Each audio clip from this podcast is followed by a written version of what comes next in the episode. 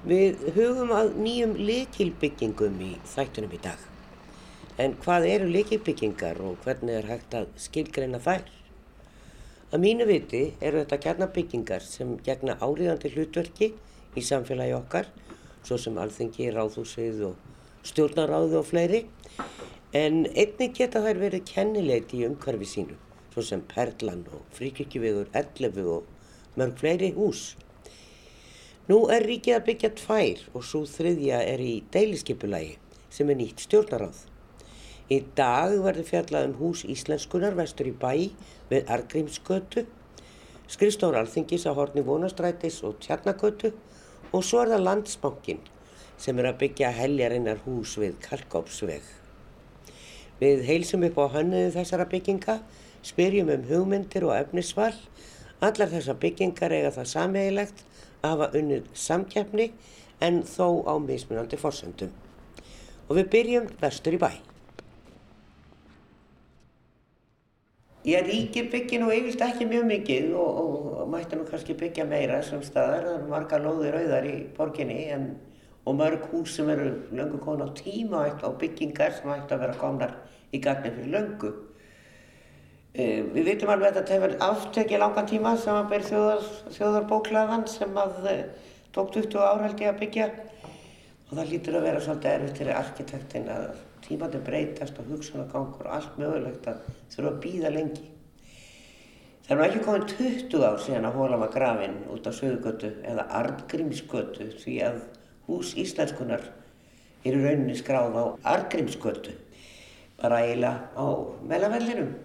Þetta er spóriskilega hús og það eru arkitektarnir hjá Hortsteinum sem að vinna þetta og unnu samkjafni með þessa tekningu og við erum hérna hjá hann um augmyndi Skarpjænsinni hjá Hortsteinum og einna hönnun þessa hús. Eh, þetta er heilmikið bygging og eins og ég segi, hún er spóriskjulaga og það er nú sömur arkitektar sem segja að það verður að vera pláss fyrir eitthvað öðruvísi. Eh, við getum ekki alltaf verið bara praktísk og ekkert hugsað um já, orð sem að augmyndaður segir mér á þann að arkitektar megi ekki nota fegurð, estetík. En ég er hrifin af þessu húsi og ég er mjög hrifin af því að það sé spóriskulega það er, það er ekki eitt einasta hús held ég í Reykjavík sem er kringhátt er það, eða spóriskulega, er það til? Já, við, við getum kannski sagt að hljómskólinn komist næst í að hafa, einhver slíkt, slíkt form. En, eh, en þetta form eiginlega kom af sjálfu sér. Þannig að svo sérkeilægt með það. Þessu hús er ætlað að hýsa mjög ólíka starfsemi. Eh, starfsemi sem öll tengist eh, íslenskunni og, og, og því að, að rannsaka íslensku og íslenska bókmæntur og íslenska menningararf, miðlónum og skílónum áfram. Og, og þetta er bæði hús sem er mjög opið. Það er opið af fyrir gestum og gangandi, þarna verða heimkynni fleiri hundru nefnda sem að sækja námi íslensku og tengdum greinum. Og þarna verður, verður aðstæða fyrir rannsóknir. Höfustöður árnastofnar að vera þarna. En þarna verður líka geimsla handritana sem, ver, sem að það sem eru gerðar gífulegur öryggiskröfur. Þetta er líklega ramgerðasta geimsla sinna tegunda sem að reist hefur verið hér á landi hinga til og um, á sama tíma þarf þetta að vera geta miðlað gestum og gangandi. Þarna er síningasalur sem að er sem verður einn af svona uh, eitt, eitt líkil rýmið í húsinu. Þannig að Þetta er hús sem hefur á sig mörg andlit, við getum sagt að það sé pingulítið skitsofrænist, en það að halda utanum þetta, það er einhvern veginn, við bara slóum hring utanum þetta allt, allt saman og það gerist bara sjálfur sér. Lóðin er svona ílöng og okkur langaði auðvitað, það er bara að vera frálegt að neyta því, auðvitað langaði okkur til þess að reyna að bregðast við þeirri áskorun sem að okkur var stemt í þessari samkjöfni að byggja hús sem væri að vissanátt einhvers konar íkon. Minna má, nú vera fyrir þessa merkur hluti að að menn kingi ekki aðeins kollið til þeirra. Þannig að, að það auðvitað var það líka hlutu sem okkur, við veltum fyrir okkur. Uh, eigum að taka eigum að, eigum að sína smá áraðinni og, og taka einhver skref sem að kannski menni ekki endilega vona á þetta var auðvitað eina húsi í þessari samkjöfni sem að veg frá svona þessu kassalaga umhverju sem við höfum ákveðið að eigi að vera umgjörð, líf, lífsumgjörð okkar hér á Íslandi. Og vonandi er þetta áættun að verði. Þetta er öðruvísu hús. Yeah. Við segjum gætan að, það góða við að það hafi ekki hodni síðan ágrannu sinna vegna þess að það er engin hodn á því. Og, uh, og ég held þetta sé líka hús sem að uh, þetta er hluti af borgarmynd, þetta er hluti af mjög viðkvæmi svæði, þarna eru glæsilega byggingar eins og, eins og, eins og þjóðabóklaðan og, stóra byggingar svona í okkar, má segja, borgarumhverfi, Hotel Saga, Þjóðminnarsafnið, Háskólinn, allt þetta byggingar sem, að, sem þarf að taka tillit til. Þannig okkur fannst líka vissan átt með því bara að hafa, velja þessa leið, að velja svona mjúk form, þá væri við einhvern hátt líka að koma til móts við kröfunum það að byggingin, hún tæki ekki mikið til sín í umhverfunu. Hún er klætt í, það er svona kopar skjöldur í kringum hann og það eru allavega þrýr yngarðar, einn lokaður og svo tveir sem eru opnir á eh, efstu hæðanum eða efri hæðanum uh, en þessi yngarður sem er lokaður hann er nú reyndar alveg í gegnum húsið en er samt kallt rými eins og þú kallaði mm þannig að það er ekki það er svona meira plantur heldur en trí Já, þetta er, þetta er náttúrulega uh, við getum sagt að innri starfsemi húsins þar að segja Eh, kennslurímum og, og, og vinnustofum og, og svona þessum þáttum þeim er aða svona í kringum yngarða, eh, þeir horfa meira inn á við heldur en út á við. Það er aðri þættir húsin sem blasa við áhorfendum eh, við vegfærandum sem að, sem að svona opna sem er gagvat götunni en þessi vinnurými opna sem er inn á við og það er svona kannski líka dálítið, dálítið tilrönd sem við erum að gera. Og þannig er eins og þú segir, þannig eru Þetta er stór inngarður sem er á milli tveggja hæða, eins konar vetragarður, kallt rými en samt það þannig að það sé, það sé hægt að nýta þetta allt árið um kring undir, undir gleri.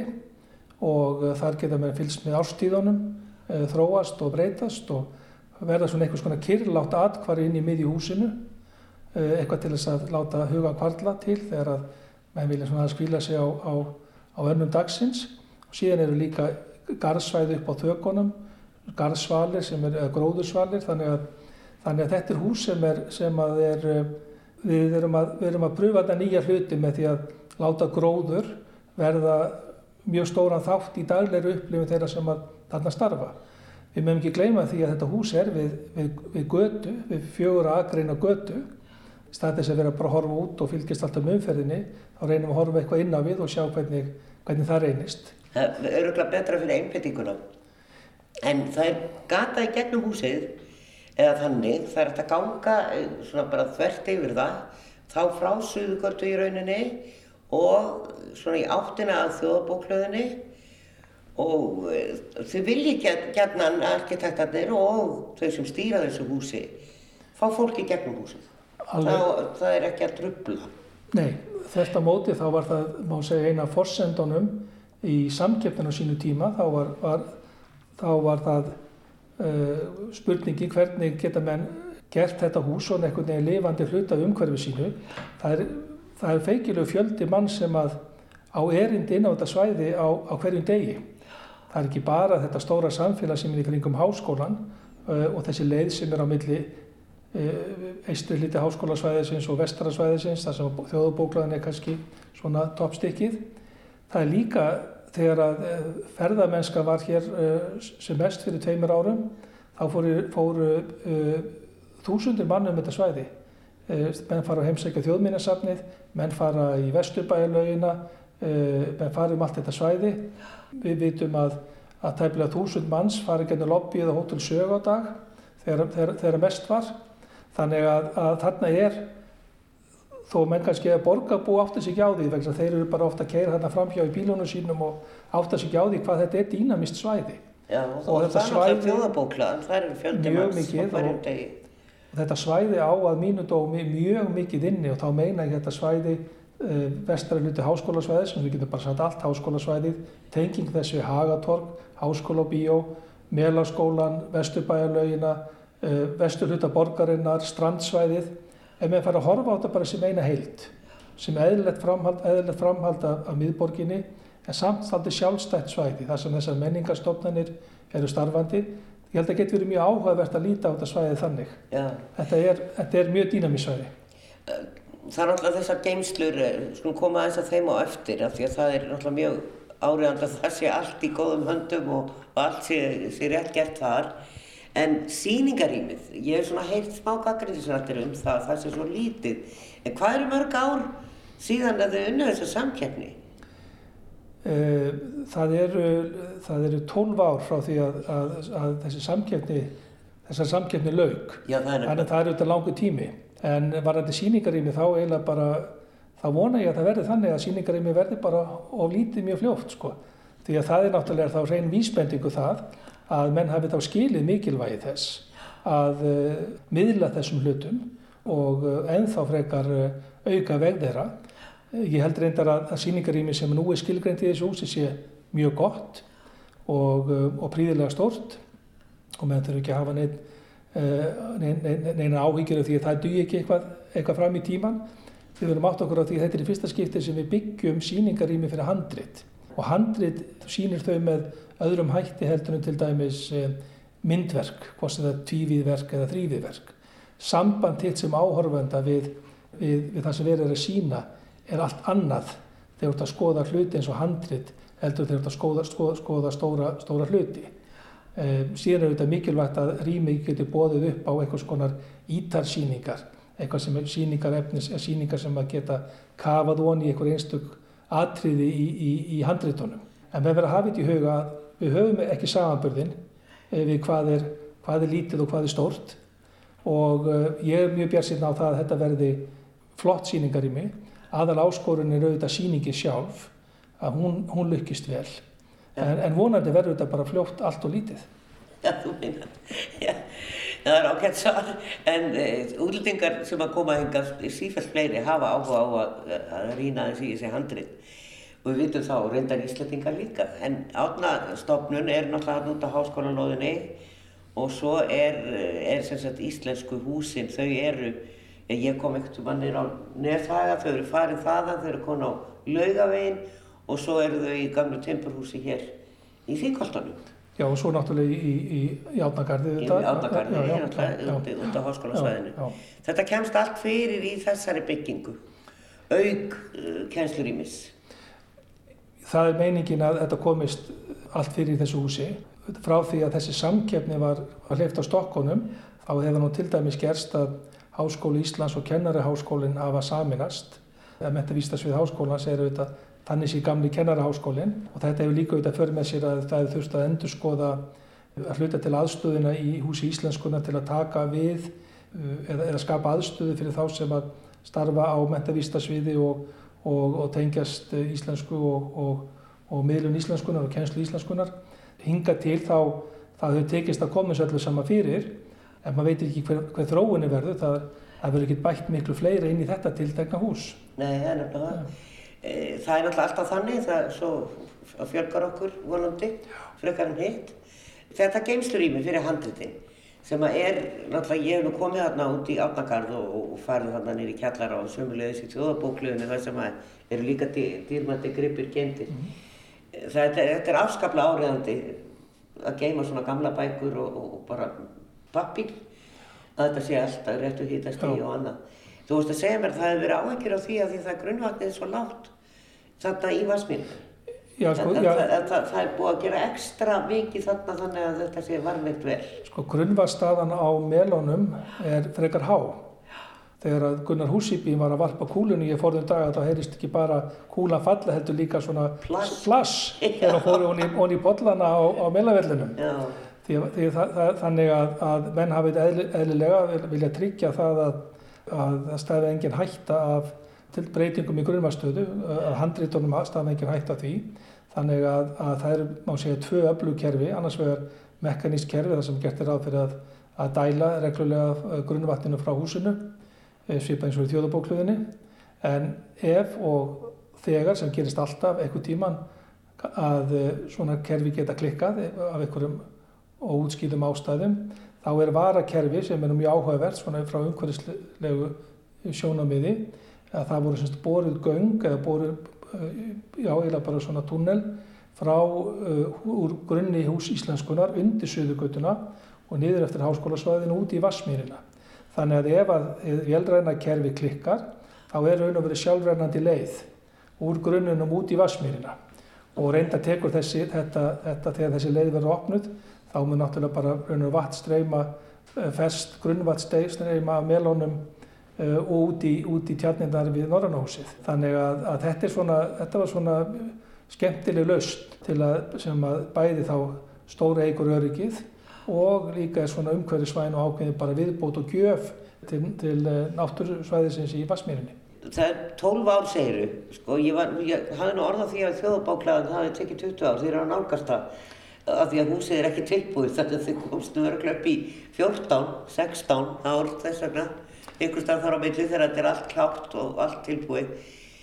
Ég rætti nú eitt um að við mannfrið um þjóðbáklaðuna og hann sagði mér það breytist nú margt á þeirri leið þegar hann var að hanna þá hús og þau fóru meðal annars til bandaríkjana til að skoða nýjustu bókasafnin þar og þar var allt komið á mikrofilmu og það var einu hugsun sem kom að það ætti að breyta landsbókasafninu í einhvers konar mikrofilmusafn og þess að vélar eru ennþá til í safninu og einhverja filmur en þetta var það ekki sem betur fer er margt búið að breytast svona bara tæknilega og svona í hugsunni hvað, hvernig átt að húsa funkara eh, á þessum 12 árum? Sko það er vitalega eitt og annað, annað breyst en ekki neinum grundvallaratriðum. Eh, hvernig menn var að veita handrit við bestu skilirði, eh, það er nokkur neginn þekkt stærð. Eh, það sem kannski er, það sem hefur breyst eða sem menn ákvaða að breyta þegar að framkvæmdur hófust aftur eða fyrir tveimur árum var, eh, snýri fyrst og fremst að, eh, að almenningsrýmum í húsinu. Þegar að eh, húsi var hannað fyrir 12 árum þá var, voru, voru ferðarmenn ekki hér í því magni sem við þekkjum í dag og eigum vonandi eftir að sjá aftur fljótlega. Þannig að, að allt sem, heiti, sem snýra móttöku ferðarmanna uh, og annara gesta, ekki bara þá veit meina Íslandíka líka sjálfsögðum, það, það, svo aðstæða var verulega bætt í, frá því sem uppalega var. Það sem það rými var aukið, eh, endurskipulagt þannig að, að annar, annar rými sem kannski e, þóldi það þá aðeins að minka á móti að það var áðurst í slíkar, slíkar breytingar. Húsi stækkaði ekki neitt í fermetrum, heldur var áðurst fyrst og reynst í ákvæðan innri, innri breytingar til að mæta þessari törf. Eh, ég vona bara að það megi segja um þetta hús þegar það verður risið, það hefum gert ráð fyrir að það verður risið 2023, þá verða nú svona átján ár liði frá því að, frá því að þetta, þetta verkefni fór á stað. En ef, ef, ef, ef hægt er að segja um það að það, það standist jætvel tímast tönn og þjóðarbóklaðan, þá er ég býstna samtur.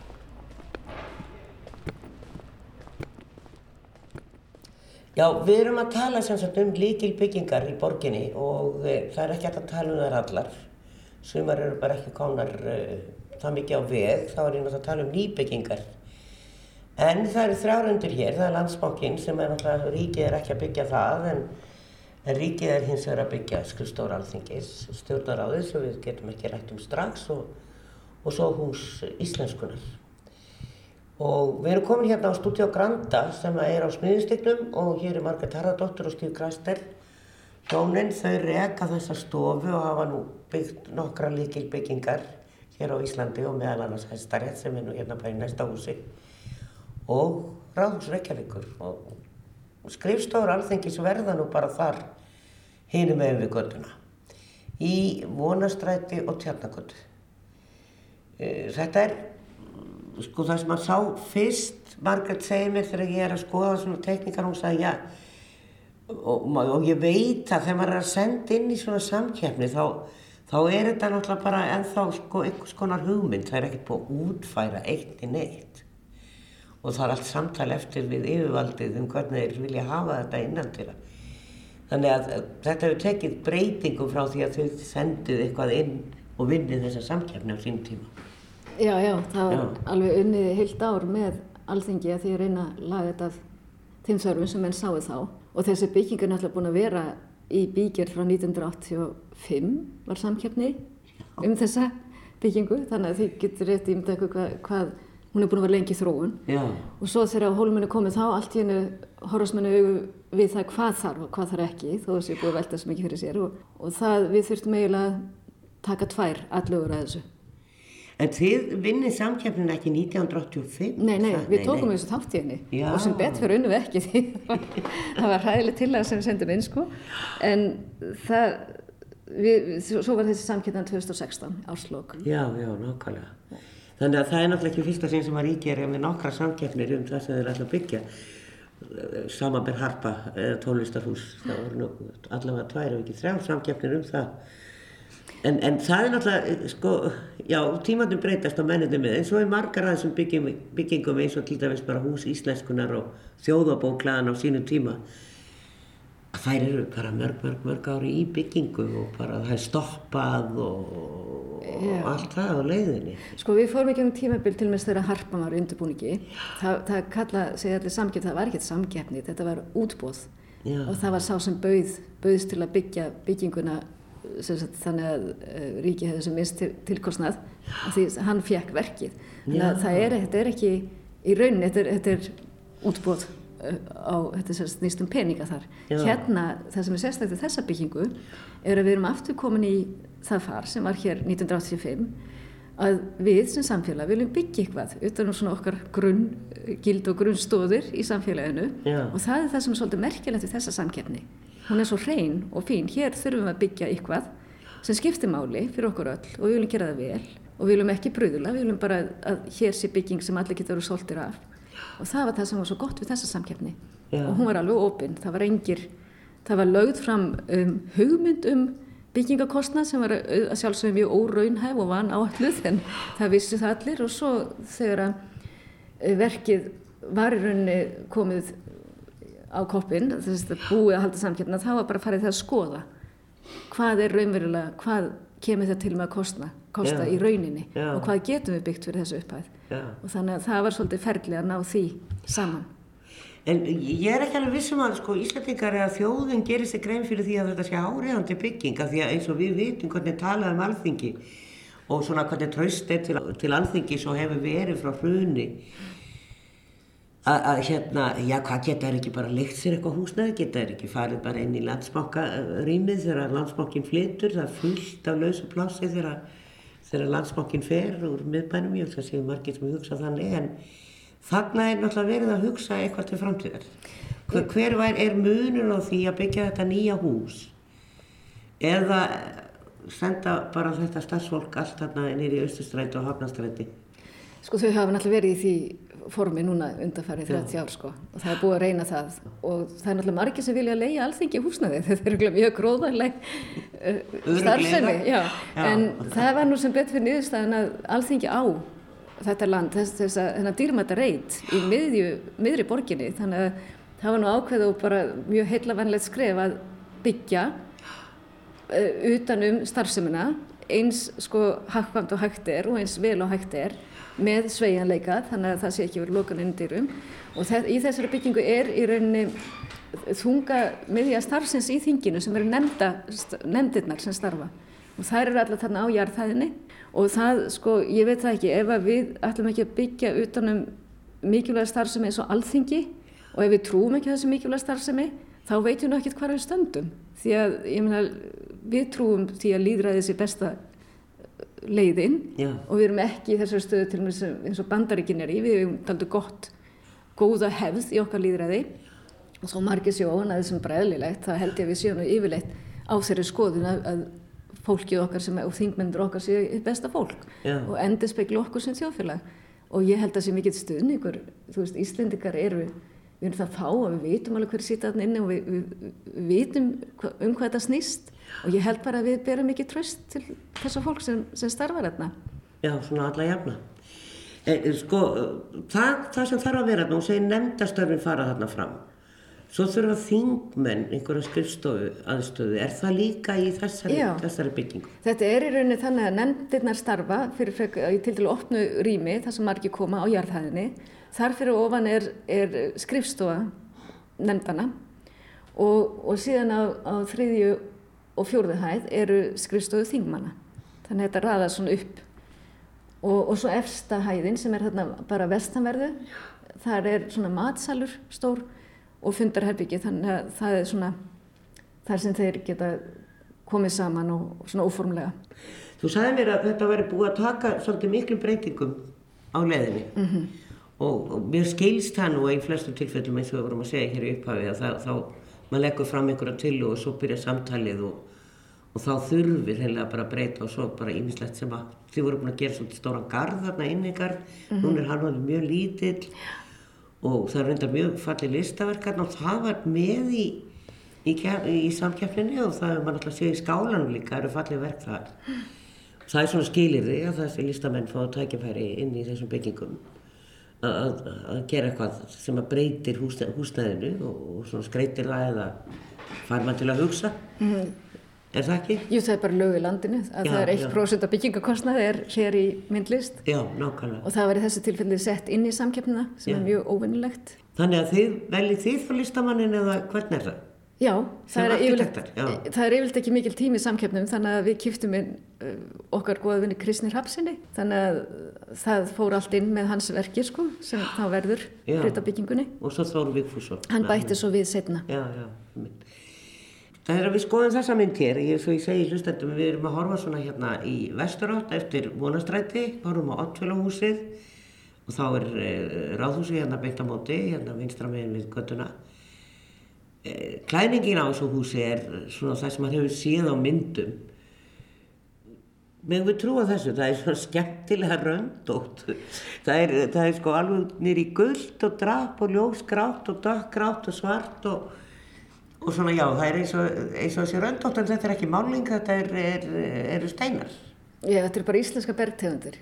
Vi, við erum með uh, náttúrulega nógu grút á Íslandi en, en, og það sem var vakti fyrir okkur í þessu var að ásend byggingarinnar yrði bara eins og hluti af landslæginu ef hægt er og við reyndum að nota til og með það eru þrjártegundur að grágrítið þarna og mest að því er fengið hér í grunni meðfyrirkjarnans. Þannig að þetta er svolítið eins og alþingishúsið var gert í gamla það var bara dreyið hér ofan úr eh, skólaverðarholtinu nýra á, á þennan reit og það er pínleitil hefð fyrir því að gamla alþingishúsið og skálinn og þess að þetta er allt gert úr grákriti og við sáum engaðast til að brjóta þá hefð heldur gerðum við þetta svona lagskipt að því að Það, þetta er svona svolítið floknar að það er þannig að það búið að vera grafa langt niður í jörðina á þessum reit, alveg niður að landnámstíma. Að já, já, já, já, já, já, þarna já, já, já. Þarna verður búið, hefur farið fram fórlega uppgriftur og menn hafa grafið sér langt, mér sé fyrir landnámstíman og þannig að það búið að grafa lag eftir lag eftir lag niður í sögun okkar, alveg til landnáms. Og það er mjög merkilegt að þetta er eiginlega sá staður sem að land var numið, eða byggð er elst á Íslandi og þar rýs alþingishúsið og okkur fannst það svolítið skemmtilegt. Þannig að við heldum áfram með þessa lagskiptingu sem er svona daldi merkjum tíman að það er svona lag eftir lag eftir lag og, og alþingisbyggingin er þá þessi skristofbygging alþingis er eins og bara lög inn í framtíðina. Og svo er þetta alls konar vísbendingur um þú veist lagskiptingar í þjóðfélaginu og svona og þannig að þetta er svona margvísleg lög og, og veist samfélag okkar búið til mörgum mörgum lögum, ólíkum lögum og því meiri fjölbreytni því skemmtilegra. Já. þannig en samt er þetta allt íslenska bergtöðendur og, og eins og ég sagði þrjár og grágriti svo erum við náttúrulega með blágriti sem er líka basalt og sem er þetta mjög keimlíkir litir. Þannig að það eru svona margar uh, gráir tónar í þessu. En svo inn á milli kemur Gabró sem er Austurlandi og og svo líparíti sem eru þetta appelsingula sem við séum, sem er svona ljósara og það sker sitt aldrei úr. Já, það er skemmtilegt. Já. Þetta svona lyftir alveg, þetta verður svona eins og segir lagskipt. En þú talaður um meðfærakjarna, er þið þá að taka grjót þaðan? Já, það var... Á, á hérna landsbítala loðin, Já. svo ég skilji það ekki eftir í loftinu. Nei, þeir, þeir voru að sprengja þarna 20 metrar nýjum jörgina og við sáum þarna bara allt inn í fylgta efnis og það hefur verið notað Já. í þessa kápu, steinklæningu. En þetta er alltaf mikil vinna að snýða þetta allt saman til og Já. búa til þessi lög. Já, en það er þá allt unnið hér á Íslandi Já. og við, það er mikil áherslu á það að sko, það sem er kannski merkilegt við þennan forðlegu uppgröft er að maður horfist við það hvað þetta fólk sem bjóða þarna var ótrúlega fært. Þeir voru að búa til játn og kól og, og bara hvað þetta fólk hafa gert úr engu. Já. Þannig að byggingin er píliti svona eiginlega undir þeim merkjum að reyna að leita ekki langt yfir skamt, nota efni sem er hér til staðar og vinna þá hér og, og koma þá að ebla svona framleyslu, steinframleyslu landin og, og það er vakið svolítið fyrir okkur í þessu. Reyna að nota einföld efni, lítið unnin og helst bara hérðan. Ekki það sem einn þjóður þetta sikja baka, það er bara ekki ástæð til annars. Var þetta grunn hugmyndin svo spennandi að því að ég svona, hugsa bara um arkitektin og ykkur bæði náttúrulega því vinnið þetta saman í samtali líka. Mm -hmm. að, að, að ég myndi að hugsa þetta lag tímans. Sko hvena, hvena kemur það á leiðinni hjá arkitektinum að þú veist ég er að gera þessa byggingu þetta er merkist bygging þetta er, þetta er eitt af húsum líðræðisins í landinu Var, hvernig, hvernig kemur svona hugmynd? Þetta var nú eiginlega bara lág eins og ofin bók. Það var búið að opna hana glöfu ofin í jörðina inn í fortíðina og það var náttúrulega lang eðlilegast að, að þetta stendur á svona sögulegum grunni þessi bygging Já. og við erum alltaf búið til söguna Hver, og sérstaklega þess, þessi starfsum í þingið. Þannig að þetta var nú eiginlega kom sem bara eðlilegt framhald. Þetta var ekki einu sinni hugmynd, þetta var eiginlega bara það sem var nærtakast. Nú er búið að vera að byggja mikið þarna í miðbænum og, og það eru alltaf að koma upp fordleifar. Það er bæðið þarna út á næsta hodni, Lækjagata, mm -hmm. Vonastrætti, hótel og sömulegðist náttúrulega kirkjögarðurinn á, á, á, á torkinu, þarna bara hinum með göttunni í kirkistrætti mm -hmm. og uh, sömulegðist Bryggjan sem kom upp þegar það var að byggja Hafnartorkið og það kemur alltaf upp svona einhver diskussjóni minna hvað á þetta sjást, hvað það var að byggja, okkur við ekki að hafa þessa fordleifar Sko það er náttúrulega ekki hægt að hafa alla forlifar sínilegar í allri borginni en þetta er elsta svæðið mm. í, á byggð hér mm -hmm. á Íslandi. Verður eitthvað sínilegt þarna? Já, það verður sko þegar maður kemur inn um ingangin þá kemur að grifju og reyndar áður og kemur inn þá er grifja fyrir framann húsið sem nær niður á landnámslægi svo kallaða og það er svona 1,7 metra fyrir neðan gangstéttina núna að því landið var það, þar á þeim tíma. Þannig að þú ert alveg varð við það að þetta er, það er eitthvað sem hefur komið þarna undan. Og það er beinlega sínt þarna í götunni þegar þú kemur inn í bygginguna. Og líka þegar þú kemur inn þá er svona eh, aftur teku við svona svæði sem er neðar. Og það eru gammal stígur, svona steinstígur sem var að milli bygginga sem vildi svo til að var akkurat þarna sem yngangunum var þannig að honum er haldið til hafa og þá sjáum við svona þarna vorum enn að ganga árið 870 og, og á þessum stíg og þessar hellur verða þarna áfram. En það er svona og síðan er sko það er náttúrulega vest við fornminni er að það er kannski best varðveittar í jörðinni en við höfum fengið leifið sko þjóðminnsafsins til að setja nokkuð af því sem fannst sem auðvöldast er að hafa til sínis af því það skemmist ekki Já. í svona litlum um, skrínum við, í kringum þessa grifju þannig að það verður svona einhverjar perlur eitthvað svona sem má við því að, að, að vera, vera til sínis þannig að það verður svona örfái hlutir. Já, en uh, hljóma vel. En sko, svo við snúum okkur að kannski því sem að er örglábyggilega leðilegast fyrir arkitektin. Allar svona byggingar, ombera byggingar það eru ekki smál mm -hmm. og, og þetta veit ég að verður huga mikið að því stjórnaráðsbyggingunni nýju. Og, eh, og það er náttúrulega ímistækni og annað sem þarf að huga og líka öryggi og allt það í húsi íslenskunar en hvað hér í skrifstofur alþingis? Núna eru, sjáum við bara þegar við erum að fá erlenda gæsti til Íslands að það er okkur blöskrar. Mm -hmm.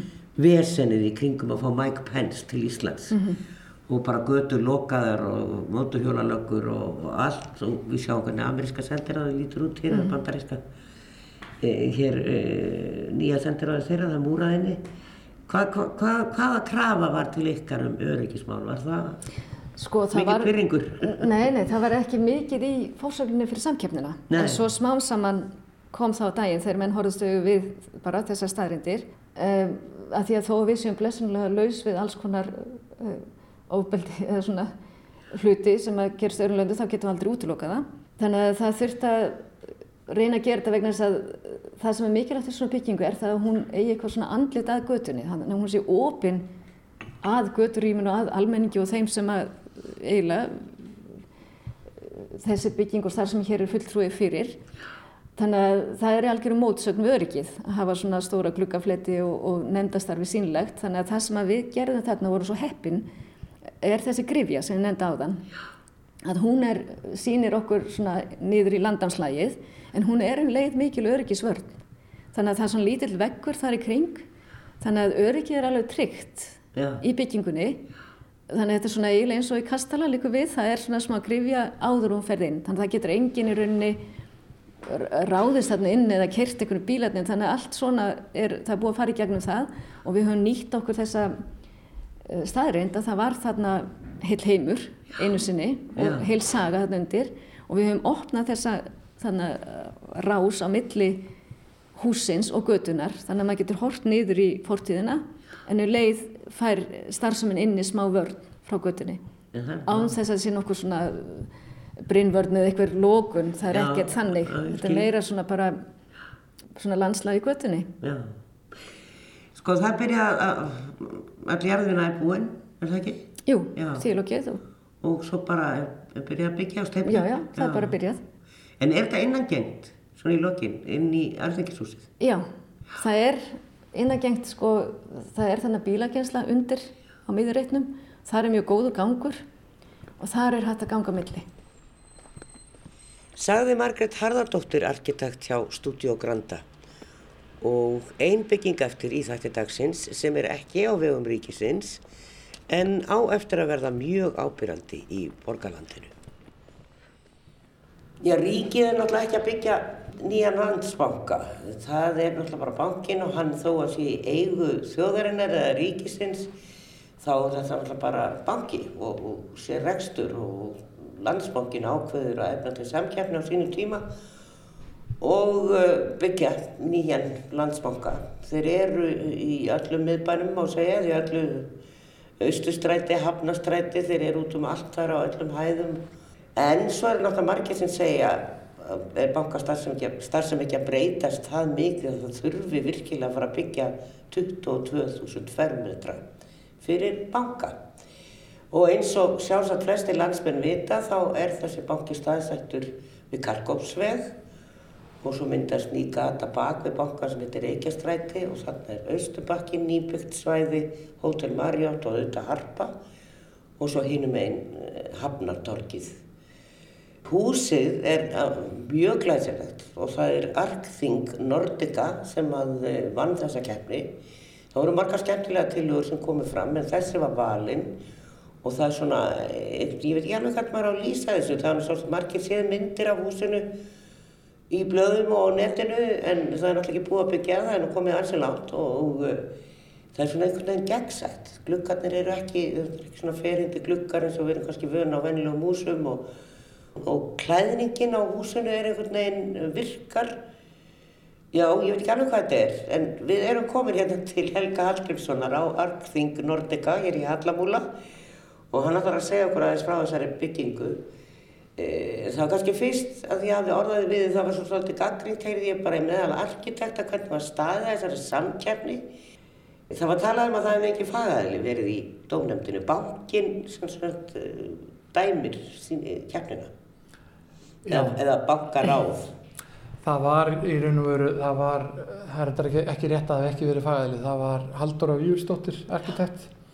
Hún var þarna bankaráði til ráðgjafar og stöðnings við val á tilögum. Þannig að, þannig að, það, þannig að það var klálega svona fæleg, fæleg augu á tilögunum við valið. Það er nú líka margir gaggrind þetta svæði og það er svo sem kemur ykkur ekkert við því þá bara þetta að það sem kom svo mikið byggingamagn hérna á þessa lóð, út með hörpu, þetta rísa hús og svo Hafnatorkið sem eru mörg stór hús og svo eru Östubakkin líka og Marjótótil, þetta eru margra hæða hús og, og, og svona meða við hvað við erum vöni í okkar gamla litla miðbæ þá er þetta náttúrulega bara einhver alveg bara ný sín á Reykjavík þannig. Það, sem ég segja, það er verið að byggja borg. Já, já, það er, það er alveg rétt að þetta er, þetta er kannski svolítið annar mælikvæði heldur en, heldur en hefur verið í miðbænum en, en í þessum tilviti þá er þetta þannig að, að við gerum í sjálf og sér ekki skiplaði fyrir svæðið heldur þá eru við að teikna hús sem að fellur inn í það deilisskiplag sem, sem að aðrir eru búin að hanna um, og, og þá þetta bara vinnum vinnu við með það skiplag eins og það er en við kannski tókum svolítið þann pólinn í haðin að reyna að brjóta húsið niður við svo sem höfum líka orðið, orðið vörð við þessa gaggríni á kannski þetta skipulag að þetta sé, þetta sé svolítið stórt og mikið mm. fyrir meðbæinn. Þannig að við reyndum að breyðast við því í hönnunin á þessu húsi með því að, að brjóta það niður og það má vel segja að sé, húsi sé broti niður í fjögur hús og þau eru mishá, þau eru allt frá því að vera bara einhæð og upp í fimmhæðir og með þessum móti þá, þá teljum við að við séum svona að, að gera þetta svona mildara í umhverfinu. Og þetta stöðla líka því að harpa fái svona, fá að hafa sviðið. Að því að okkur fast, það er líka þess að þessi lagsti húsluti hérna næst hörpunni þannig að okkur fast mikilvægt að á saman tímu þetta eru við að gera, að gera hús sem er, sem er kennileiti út af fyrir sig. Þá, þá e, finnst okkur samt mikilvægt að, að harpa hafi áfram sviðið sem aðal kennileitið. En, en sko, rökin frá bankanum að byggja svona stóra byggingu, af því eins og ég hafði orða á, þá tala nú margir um að, að bankastarfsemi sé að breytast það mikið og, og þá þetta 22.000 fermetrar, það er alltaf ekki allt bankinn, það er einhver, eitthvað á þessu bílastæða hús undir, undir bankanum. Já, sagt, húsið er, er um það byrjum 22.000 fermetrar alls. Og þar af eru, eru 4.000 fermetrar í, í nýjaðverðar, bílastæði og stáðurými og annað slikt. Þannig að þetta er um það byrjum 16.000 fermetrar. Og bankin mun nota um það byrjum 60% af húsinu. E, í raun og veru afgangurinn verður leiður út til, leiður eða seldur, ég veit það ekki, til hérna, e, í raun og veru undir aðra starfsemi. Þannig að jarðhæðin verður meir og minna bara verslunar og þjónusturými, bara verslanir og veitikastæðir og, og, og hvaða starfsemi nú kemur hann inn.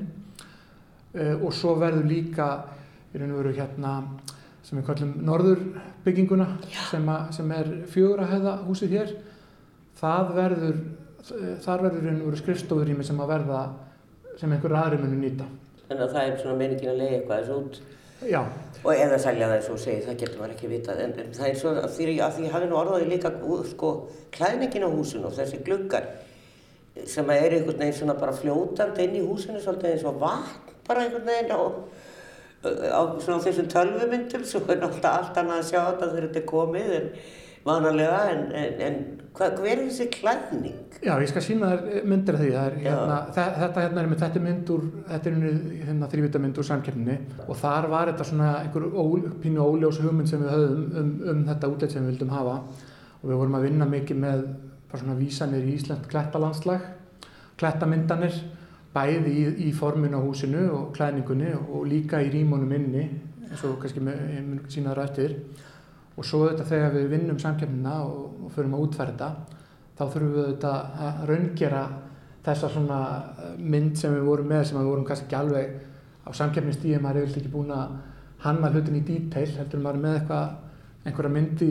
sem maður sér fyrir sér og setur fram og Já. svo þarf að útfara það og aðeins að skróla hérna lengra niður. Þetta er einu óvinnilegur útækur það er ekki verið að fara að tróðna slóðir þess vegna fannst okkur gríðilega mikilvægt að, eh, að, að prófa okkur áfram. Þannig að við erum búin að vera að, að smíða svona pröfuvegg í þinnaðarhúsi upp á Kjallanessi í fullir stærð. Já, til þess að, og þar höfum við svona geta, geta svolítið prófað okkur áfram með mismunandi svona lausnir. Og hérna sést í raun og veru hvernig, þetta er í raun og veru það sem við erum að gera, við erum að taka Íslands stöðlaberg og það kemur úr námu sem er rétt hjá flúðum. Það er eina svona opna náman eh, með Stöðlabergi þar sem að hérna ávist að döga næstu 150 árum skils mér, það, það er til, til það mikið magnaða Stöðlabergi er. Og þannig að hérna servirinn eru pröfveikin hvernig útfastan á þessu er síðan. Þannig að við erum með, þessa, við erum með þessi gluggabönd sem eru svona óregluleg, svolítið mishá og, og svo erum við með eh, eftir á móti vegg, veggskífuna sjálfa stiftar og svo erum við að klæða þær með Stöðlabergi sem að er sagað.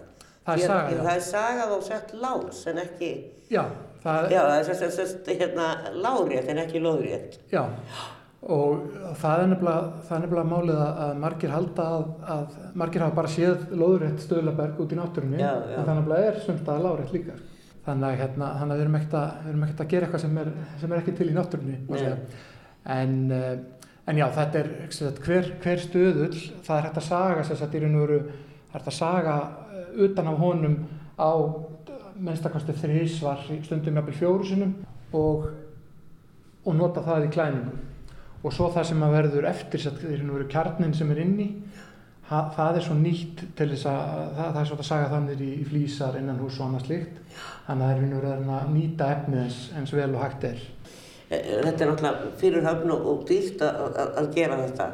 Þannig að ég get ímynda mér að þessi bygging kosti svolítið. Já, já, hún, hún kostar alveg eitthvað. Já, já ég get ímynda mér það.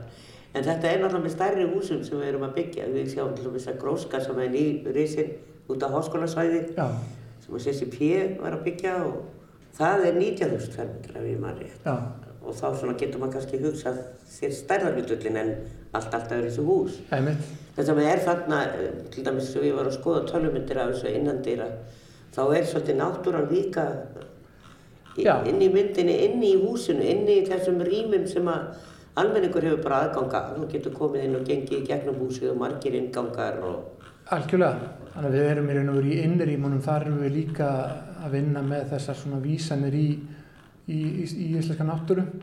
Og eins og þessi innri göngugata sem ég nefndi aðan sem er ofin almenningi, við kallum það gjána, hérna sést mynd frá því. Ja. uh, eh, og, og það er mynd hugmyndinu þar að náttúrulega móttaka bankans uh, líkur út frá henni.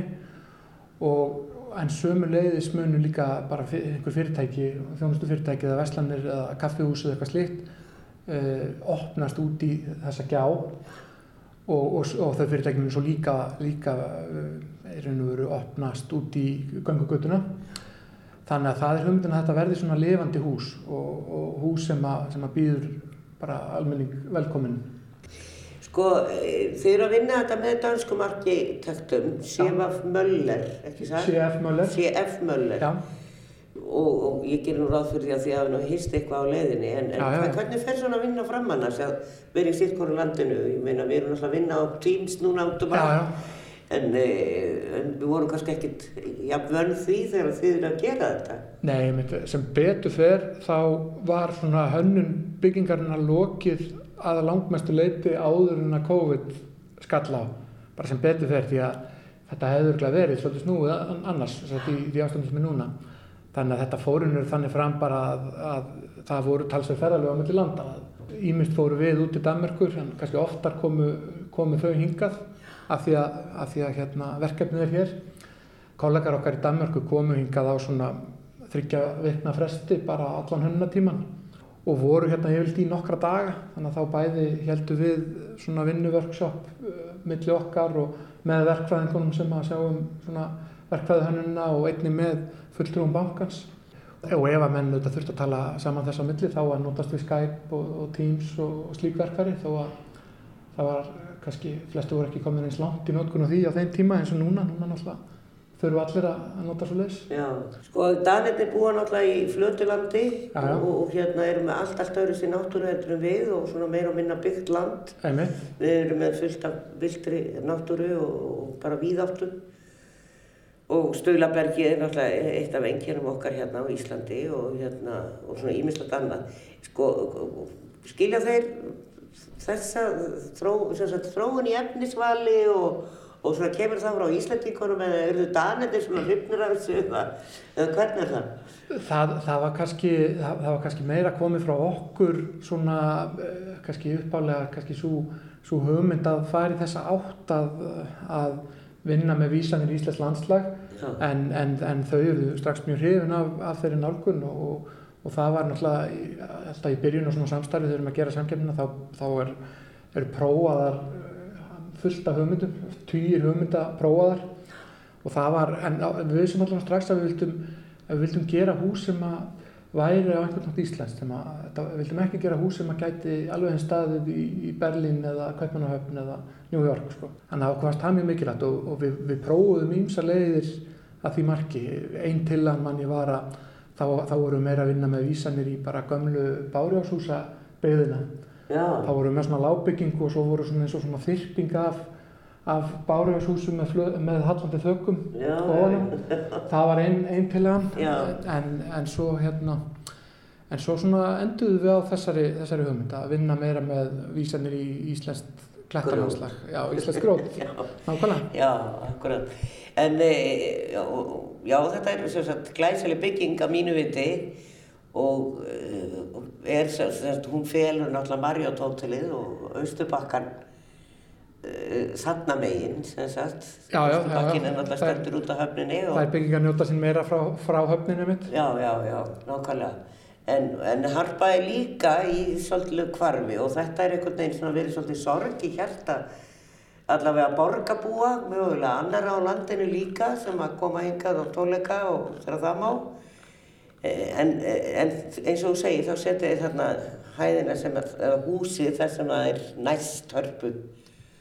Þá sér maður hann allavega frá Arnarhólu og annað en hún verður náttúrulega í kvarfi ef maður stendur í lækjakvöldinu þá sér það ekki hörpu, þú sér bara bankan Það er alveg rétt að, að harpan er, er verður auðvitað minna áberandi í, í svona borgarlandslæginu við þessa breytingar sem eiga sér stað þarna á Hafnatorki og Marriott hotellið og íbúðunar og, og svo landsbankabyggingin það er bara staðrætt sko. en, en eins og ég, seg, eins og ég sagði að hann við þetta reynum að vinna kannski svolítið á móti og, og, og að hluta til var líka búið að leggja línuna með það í deiliskyplæðinu að, að þess, þessir þeir hlutar húsins sem eru hérna sagt, til suðausturs næst Arnarhóli og Sæðlabankanum að þeir, þeir hlutar byggingarnir eru annars verið einhæð og hins vegar tværhæðir Þannig að, þannig að það er allar minnstakosti frá Arnarhólunum öllum og, og lækjagötunum fyrir framann Arnarhólun blasir harpan ennþá við. E, þó að sínin aðinni sé vissulega e, búin að tapast að miklu leiti þegar þú ert komin sunnar í lækjagötunum þegar þú ert komin hjá, hjá stjórnaráðinu og þar sko. Já, já, þannig að hann, hann var ekki þannig samt að harpan sé alveg hverfa sjónum. Sko. Nei, nei, nei, nei, það tekur bara hver stórbyggingin við af annari þarna á þessu svæði og þetta er sjálfsagt svona eldri reykjökingar eiga eftir að vennjast þessu og svona og maður heyri það að svumir er alveg bara svona hvað er þetta en yngra fólk að við erum bara mjög hrifið af þessar uppbyggingu þarna niður frá og finnst þetta bara smart og cool og töff en, en eins og ég segi það eru margir eldri sem hafa gaggrind bara byggingamagnið, það er náttúrulega ekki ekkamál það er deiliskypilæðið og borging sem ákveður þetta en hvenar á sko ég veist að séu margir farnir líka bara frá það að þetta verður bara búið þarna niður frá Já. Þú veist, það sé ekki endalust verið að byggja þetta. Hvenar á, á húsi að, vera tilbúið? Ég, Eða hvað er svona áætlum? Það er á, á árinu 2022. Eftir núnt ár þá? Já, ég, ég man nú ekki alveg hvernar árinu, það er, það er nákvæmlega gert að fyrir. Já. En þetta er náttúrulega, þetta framkvæmdur eru í fullum gangi þarna. Uppsteipan er, er vel á veg komin. Það eru minnir að síðast þegar ég fór hérna fram hjá þá var, var komið upp á fjörðuhæð held í steipu unnu uh, og samhliða því þá er, er, eru hafinn svona innan úr frágangur í kjallaranum þannig að hérna að framkvæmdir eru vel á veg komin já, já ég bara, bara stólið um mér nákvæmlega hvernig, hvernig byggingar áallunin er, hvernig er á að taka húsið í nótkunn en það er einhvern tíman árið 2022 sagði Helgi Hallgrímsson arkitekt hjá Arkþing Nordica. Fyrir mína parta verður gaman að skoða þessa byggingar full kláraðar sem er svo sem ekki í svo fjallægri framtíð. En þar með hvaðum við í dag er þið sæl.